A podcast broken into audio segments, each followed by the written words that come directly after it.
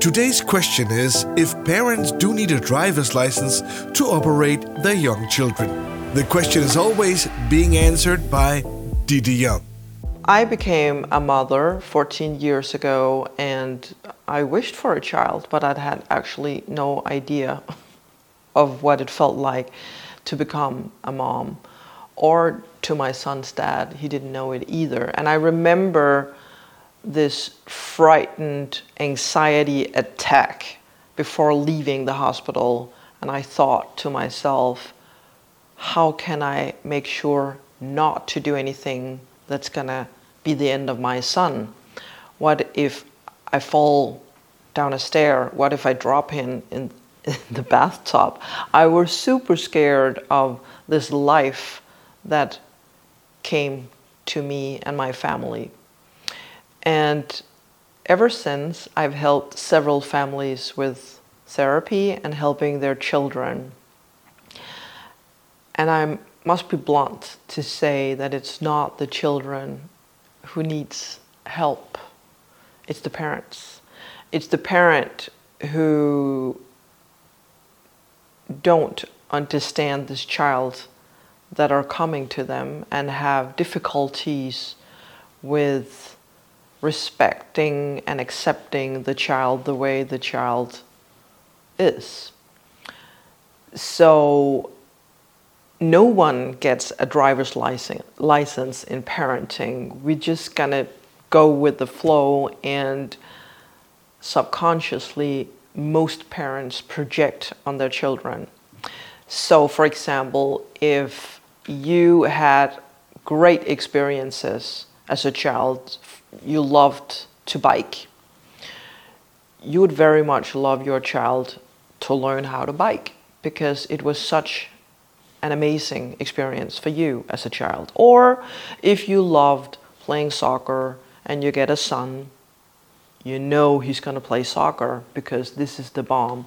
And you'll get disappointed as dad to a son who has no interest in soccer at all.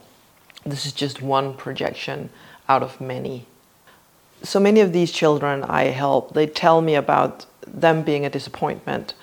And all these children, what the, the thing they have in common, or they say, I don't think my parents love me. And when I tell that, I pass it on to their parents. They burst into tears. And how can she say that? I love my child. I provide them everything food on the table, nice clothing. I give them money for vacations. I buy them fancy clothes. We are driving in the best cars. We have a nice house. And I'm like, you don't understand. Your child will just know and feel the emotion of love, true love, and being present. And a child develops the communication skills by looking into the face of their parents. This is the reason why we probably subconsciously are doing like this to, to the babies or this to babies, and they giggle and they find it funny because when they read a parent's face, they know how to be in the world and what to do with their face muscles themselves. And this is a development that will, that will take some years for the child being able to read a room or scan what should I do now? What am I supposed how am I supposed to react? And the only persons they will look up to are the parents. But the parents nowadays they don't look at their children. They look at the tablets or the cell phones, and then they scold their children when they do the same. But the children taught this from the parents. They didn't come up with the idea to find a tablet at the age of four. But for many parents, it's a nice nanny, it's a good babysitter to sit there behind the tablet and say, okay, we need quiet time. You got your iPad or tablet. You can you can look for it in one hour. And actually, I don't know any parents who don't feel a relief when the child are able to activate themselves, activate themselves during that hour, And are children not supposed to have iPads or tablets or cell phones? Yes, of course they are. But this just this is just an explanation for why we have this development with teenagers who don't think their parents like them or love them anymore. is because their parents are not present and because they project on their children. It's pretty interesting that I see two different groups. I see a family that are very ambitious on behalf of their children. That could be ambitions with sports results. And we have these teenagers who are going to school throughout a whole entire day, have to come home, do their homework, and maybe eat dinner, and then directly go to a sport. And then they come home at 10, 11, and then a new day begins and it continues and continues and continues. And these children are coming down with stress at the age of 10, 11, 12, and this is pretty dreadful if this is the future for our children. So, when I help the parents to remove the pressure by seeing the seriosity of their children cannot take this pressure it only take a week or so and the children are improving and gets better and better and happier and happier. So that's one way to look at it. And another group of parents are very good maybe too good to provide freedom for their children. So they tell their children it's up to you. What would you like for dinner? Uh, what kind of vacation do you want to go to? Or it's free play, you can do whatever you want. And these children are like, but this is too many choices because now I have to choose. Where do I want to go on holiday? What would I prefer eating? And these parents think it's a luxurious problem because it's a buffet of choices, whereas the child is saying to me, it's too many choices. Um, and then they come down with stress too.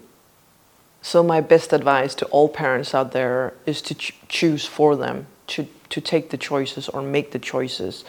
For example, uh, a young teenager I'm helping, her mom would tell her, Would you please clean up? And she burst into tears and asks me, Clean what? This is, whoa, should I do the dishes?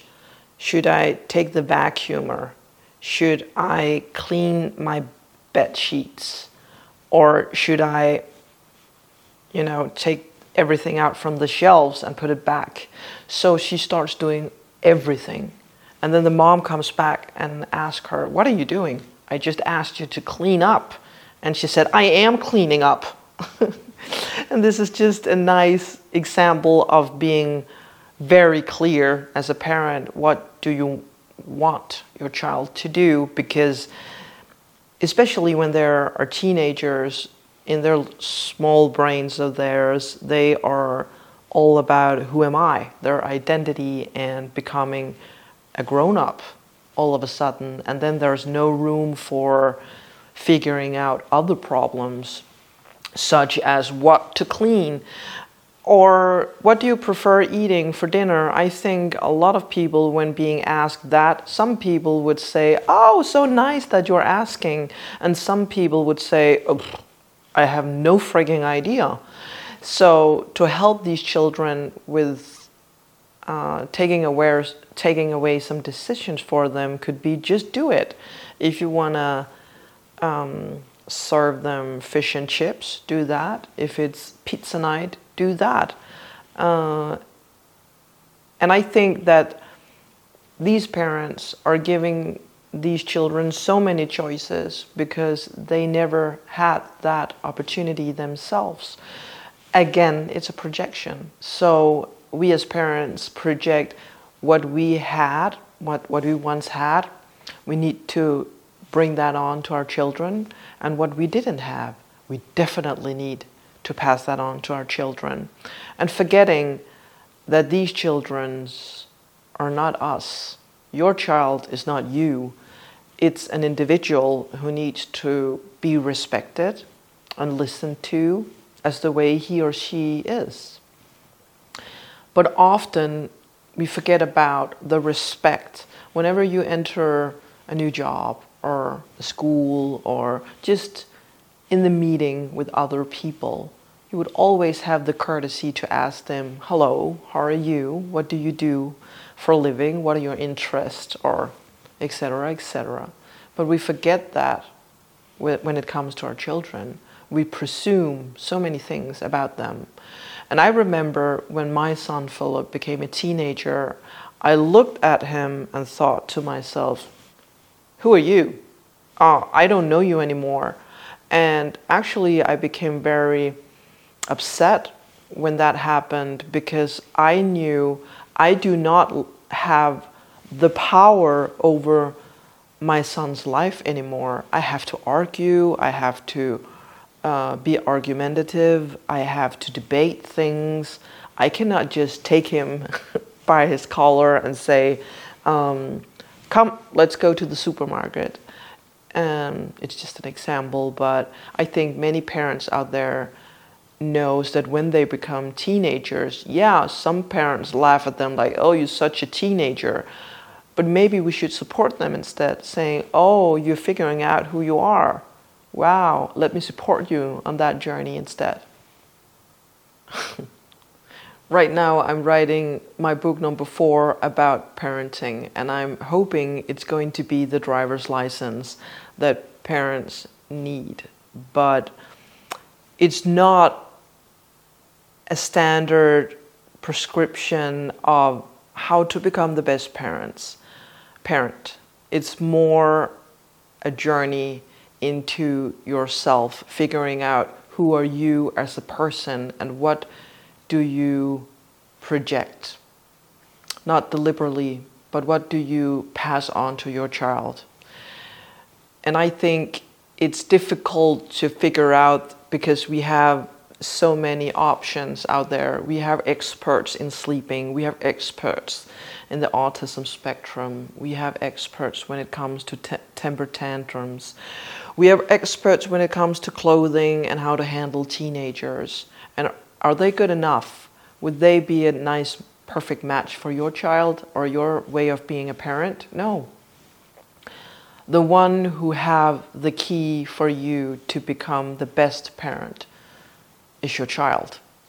So if you start listening to your child, instead of the experts' advice, you will figure out that um, there lies a huge learning possibility for you as a, a grown up.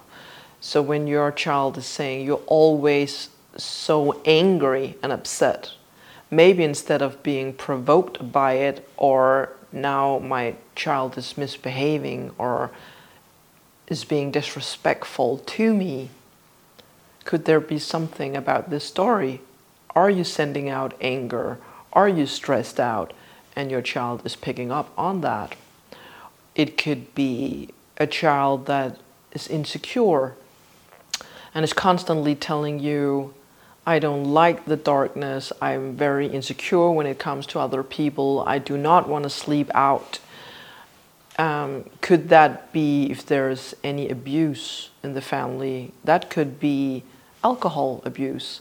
It doesn't have to be physical abuse that has the consequences of a child becoming anxious and suffer from anxiety, which many of these children I help suffer from. I think these children have the key to a happy life, and I always tell the parents, why did you get them in the first place? We only have them on loan. we only have them for a short amount of time. Because when these children are 10, 11, and 12 years old, they want to seek out with their own friends, and the parents are no longer interesting to them. So I think it's very important that to remember that everything uh, or the foundation you build on for the first 10 years are crucial and very important for the rest of your life for your child. And what is 10 years out of, out of a lifetime, you know? And especially the first seven years are the most important years to provide support and, and love without any projections. And this that's going to be your task as a parent to figure out am I projecting on my child now or not? And if you start to ask yourself that question as a parent, something new will happen in your relationship with your child. Or go ahead and ask your child without asking them too many questions. Or respect if your child is saying no to things. Of course, they can't say no to vegetables each day. That's not the no I'm talking about. It's the no to um, things you could interpret as being impolite. So if your child is shy and when you enter a family reunion or a dinner and your child is telling you, I'm uncomfortable about saying hi to all these people, what is it that forces you, the child, to, to shake hands and say hello? If you know your child is uncomfortable in the situation, and I think most parents know this if they have sensitive children. So why force them? Because you think it's impolite, and you might think as a parent, if my child doesn't do this, it reflects back to me as a parent and the way I'm a parent, my parenthood. Instead of saying, whatever my son or daughter is doing in the meeting with other people has nothing to do with me. But to protect my son or daughter who feels insecure in the situation, I make sure to sh- shake the hands for them and say, hey, we say hello. And then after a while, maybe a half an hour, your child will loosen up and get out of this emotion uh, of being shy. And then there's no problem. Then they're able to say goodbye whenever they leave. So the key to you as being the best parent is your child and your child's reaction.